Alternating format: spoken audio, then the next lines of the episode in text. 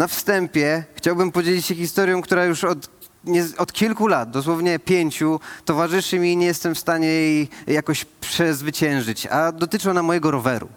Ponieważ kiedy byłem w czasach szkolnych, dostałem na urodziny od rodziców wspaniały rower, góral, wiecie, no wspaniała rzecz. Można się przemieszczać w Warszawie, niektórzy nawet dorośli specjalnie przez, przeskakują na rower, żeby móc szybciej dojechać w takie piękne dni do pracy, czy sklepu, czy gdziekolwiek.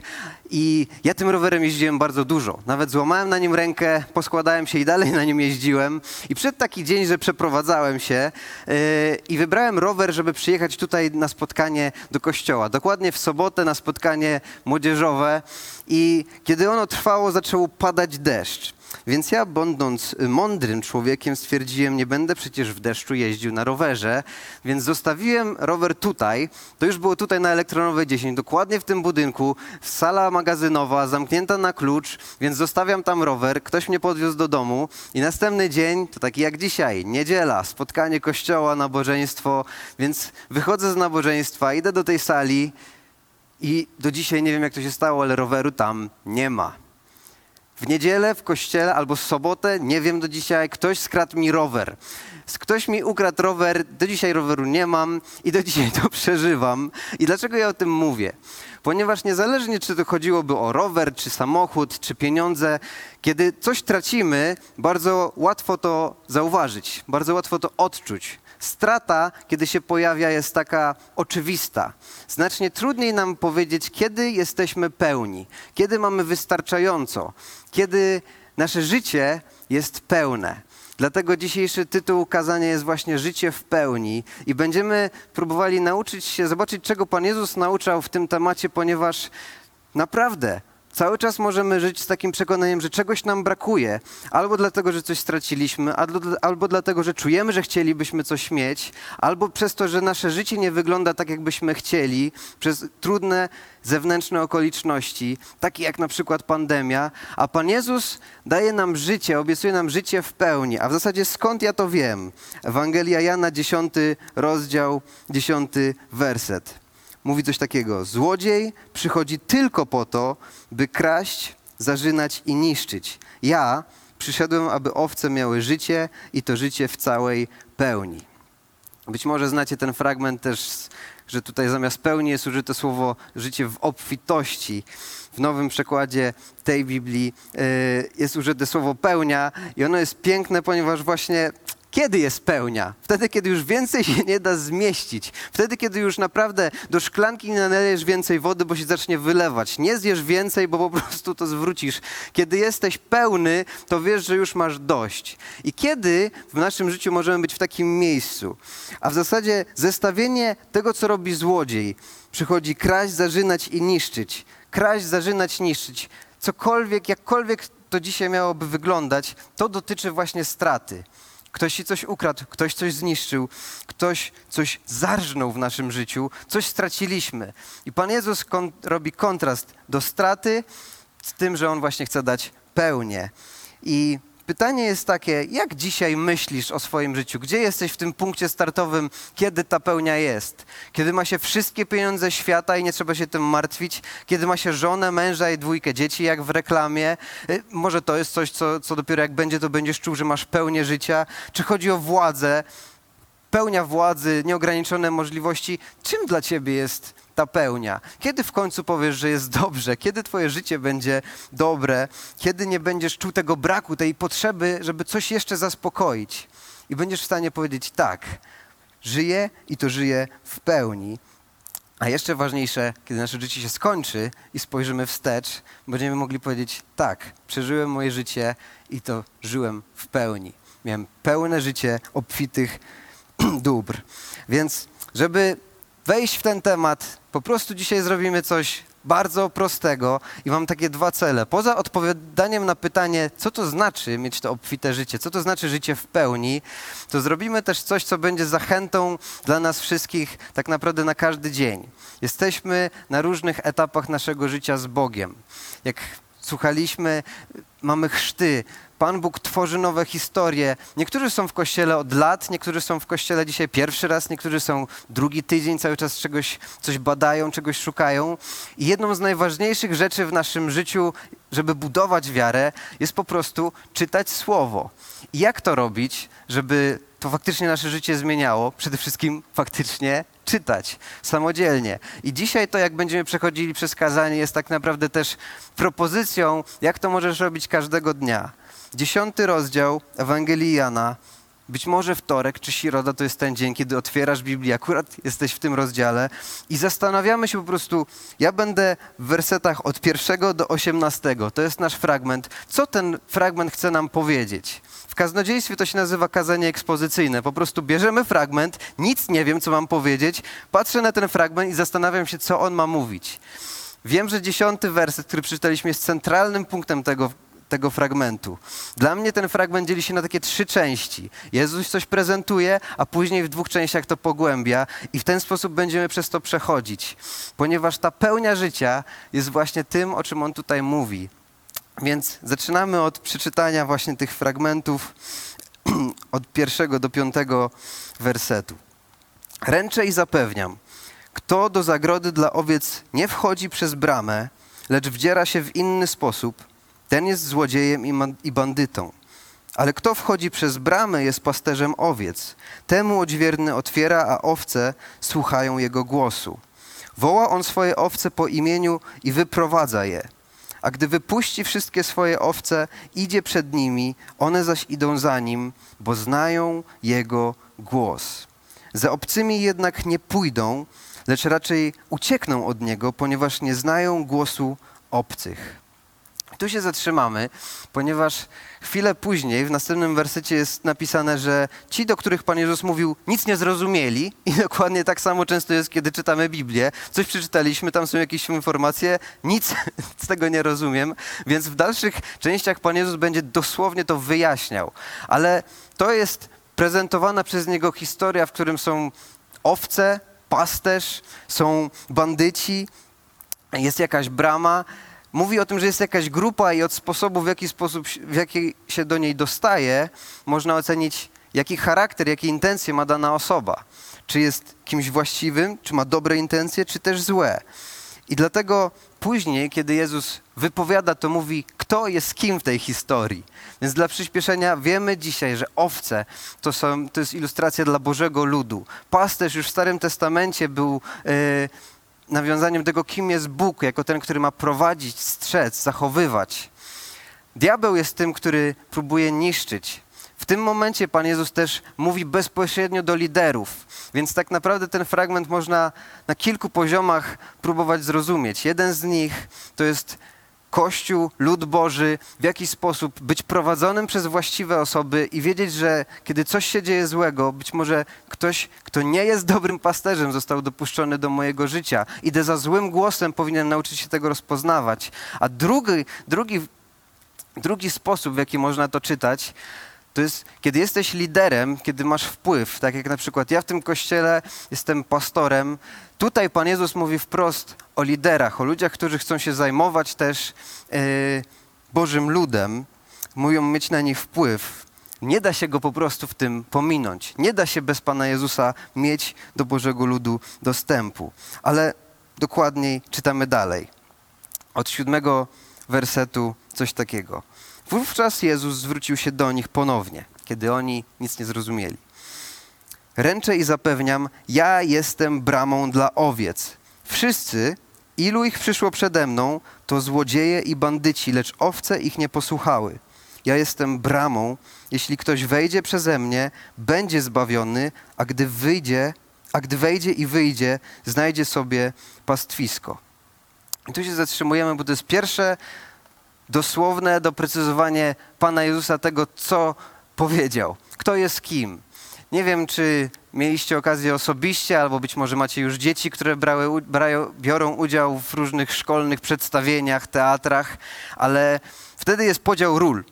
Można mieć rolę pierwszoplanową, drugą planową, ale jednym z najbardziej takich smutnych, albo być może oczekiwanych właśnie yy, jedną z najbardziej oczekiwanych ról dla ludzi, którzy nie chcą mieć nic wspólnego z teatrem, jest ele bycie elementem scenografii. Jak na przykład słynne drzewo. Twoja rola w tym przedstawieniu to drzewo. Przebierasz się i stoisz, nic nie robisz, jesteś elementem scenografii. Dlatego, kiedy Pan Jezus obsadza rolę w tym wszystkim, owce, pasterze i tak dalej, zaskakujące jest, że w tym momencie określa siebie dosłownie ja jestem bramą. Ja jestem bramą. Co to znaczy dla tamtych ludzi? Co oni mieli z tego zrozumieć? Co my dzisiaj z tego wszystkiego zrozumiemy? I dla nas pomocny będzie właśnie kontekst historyczny. Czasami czytamy Biblię, to są rzeczy, które się działy tysiące lat później, dwa tysiące lat później dokładnie, jeżeli chodzi o ten fragment. I co ci ludzie słyszeli, kiedy Pan Jezus to mówił? I żeby to lepiej zrozumieć, warto sięgnąć po różnego rodzaju źródła. Jak na przykład, ja mam dzisiaj książkę Życie Jezusa Chrystusa. Jest to wydane po polsku, wspaniałe dwutomowe dzieło, gdzie człowiek, Mark Moore, w ramach doktoratu y, rozpisał całe życie Jezusa chronologicznie, z różnymi pogłębionymi kontekstami teologicznymi, historycznymi. I między innymi w tym fragmencie chciałem nam przeczytać coś o pasterzach. Posłuchajcie. Po długim dniu wypasania owce były zamykane w jaskiniach lub zagrodach które miały tylko jedno wyjście. Czasami dosłownie wstawiano drzwi, ale często to po prostu otwór w kamiennym murze, a pasterz kładł się do snu w poprzek przejścia. W jednej zagrodzie można było pomieścić kilka stad i rano, kiedy pasterze nawoływali zwierzęta, każda owca rozpoznawała głos swojego pasterza i szła za nim. Na Bliskim Wschodzie relacja między pasterzem i jego owcami miała wymiar wręcz osobisty. One, on znał je po imieniu, a one znały jego głos. Nawet gdy ktoś ubrał się podobnie i naśladował głos pasterza, owce nie dawały się oszukać. Jeśli byłoby w zagrodzie, jeśli byłyby w zagrodzie, nie wyszłyby z niej. Jeśli byłyby na pastwisku, rozpierzchłyby się w strachu. W Palestynie łowienie ryb wypasanie owiec i uprawianie roli to były trzy najważniejsze zadania. Pan Jezus, kiedy mówi o wypasaniu owiec, mówi o czymś, co dla wszystkich jest znane. I znają też tą możliwość, że jest dosłownie jedno wejście, kiedy, yy, kiedy są w zagrodzie owce i czasami wręcz tą bramą, tym wyjściem, wejściem staje się sam pasterz, bo się po prostu kładzie w tym przejściu, żeby te owce nie mogły wejść. Albo czuwa, aby inni nie mogli yy, wejść i im zaszkodzić. Dalej jest też opisane, że czasami wynajmowano kogoś, kto miał stać na straży i jedyną osobą, którą mógł przepuszczać, był właśnie pasterz. I Pan Jezus zaprasza nas do takiego życia, w którym stajesz się częścią Jego stada. Kiedy przez decyzję o tym, że to, co zrobił na krzyżu jest Twoją osobistą historią, że On zmarł za Twoje grzechy, zmartwychwstał dla Twojego zbawienia, tak jak dzisiaj słuchaliśmy, stajesz się wtedy nie tylko nowym stworzeniem, ale stajesz się też częścią Jego stada. To jest ten moment i od tej pory mówimy, że On jest naszym pasterzem.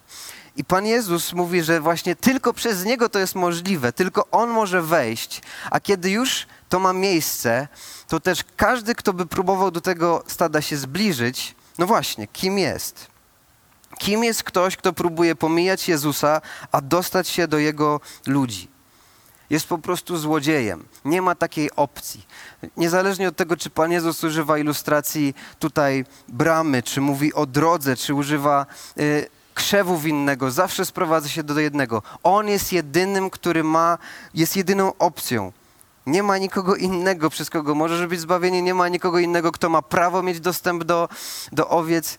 I w tym fragmencie za, cały czas zastanawiamy się, co to znaczy mieć tak łatwo widzieć, kiedy coś stracimy, a tak trudno czasami mieć tą pełnię.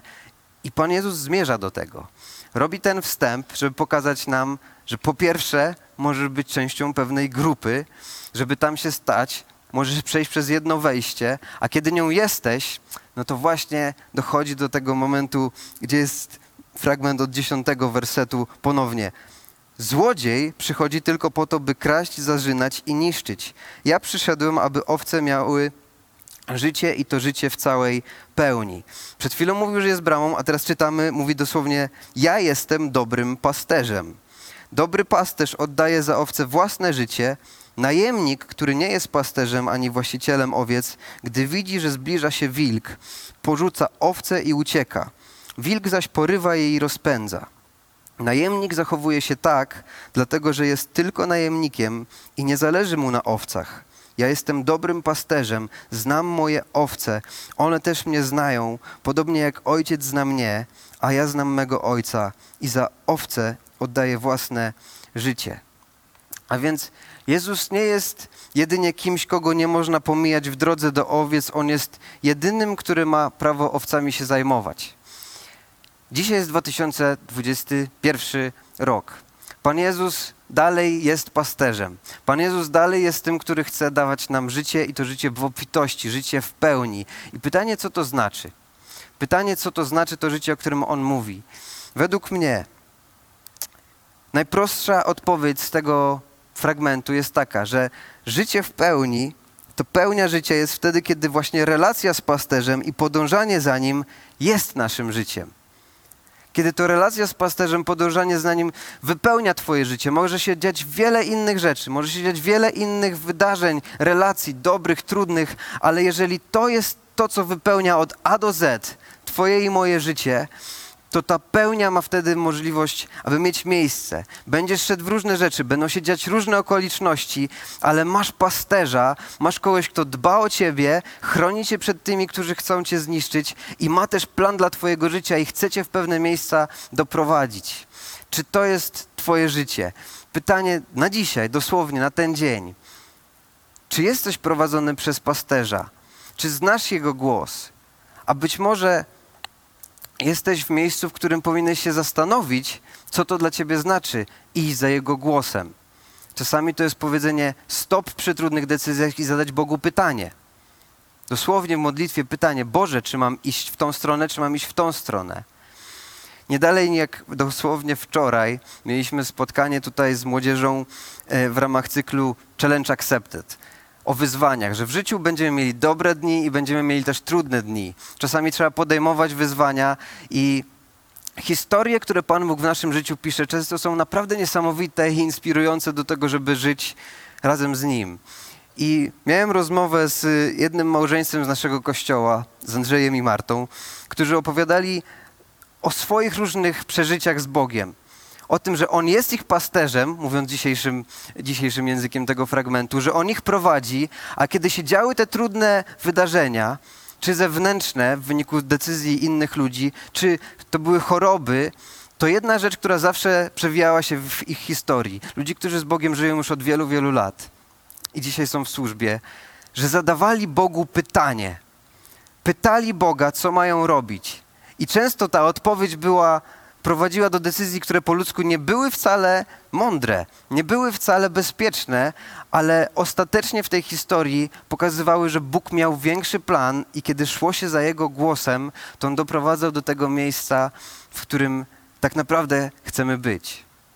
Więc czasami życie w pełni nie jest życiem pozbawionym trudnych momentów, trudnych scen, ale jest wypełnione relacją z kimś, kto nas przez to jest w stanie przeprowadzić ale można trafić w naprawdę trudne miejsce, kiedy dopuszczamy do siebie głos, który nie jest głosem pasterza, tylko jest głosem kogoś, kto będzie najemnikiem.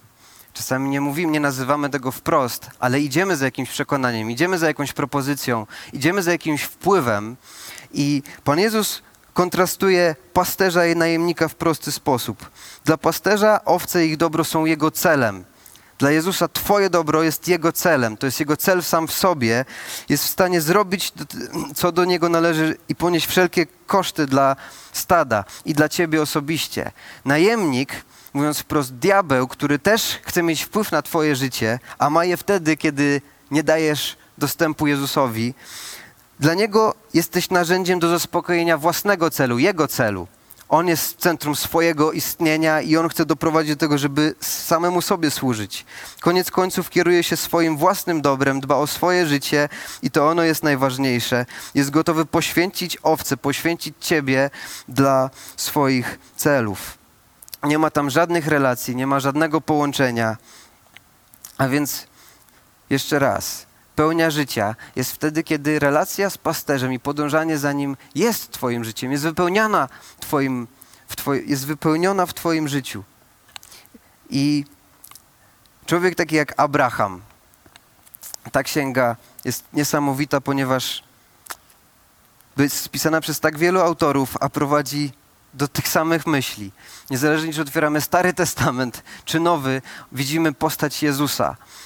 I kiedy początek ludu Bożego miał miejsce, Abraham, kiedy został przez Boga zaproszony do wspólnej historii, przeróżne rzeczy się wydarzyły. Trudne, dobre, cuda, poświęcenia, porażki, ale czytamy, że kiedy doszedł do kresu swoich dni, kiedy jego życie się skończyło, jest napisane: Życie Abrahama trwało 175 lat i zakończył je w pięknej starości, sędziwy i syty dni. Inna postać, Dawid.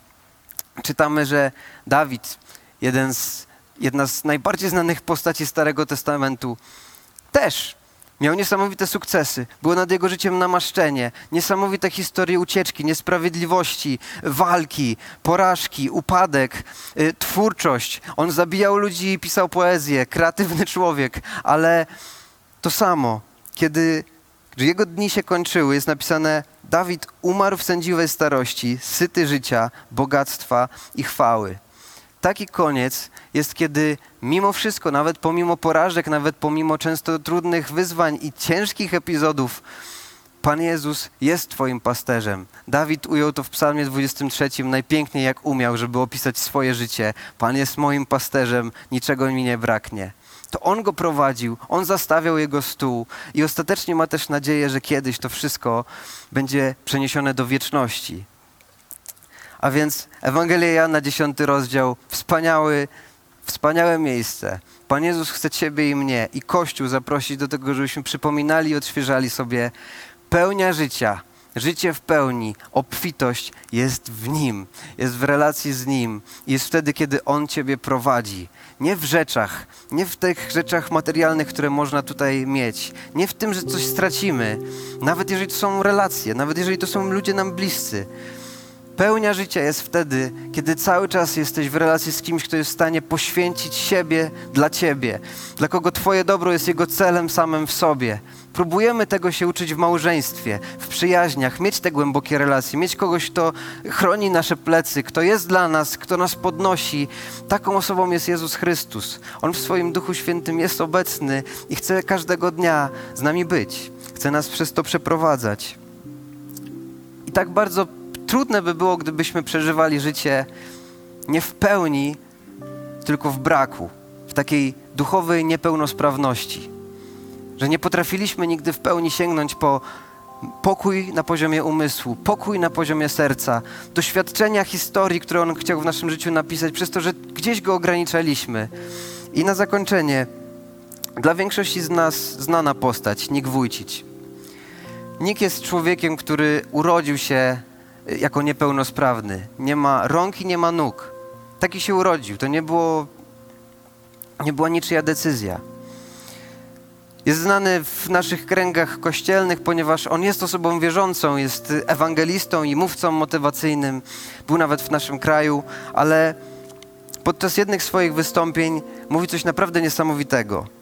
Zadaje ludziom trzy pytania, które sprowadzają się do właśnie tego, co według niego znaczy być prawdziwie niepełnosprawnym.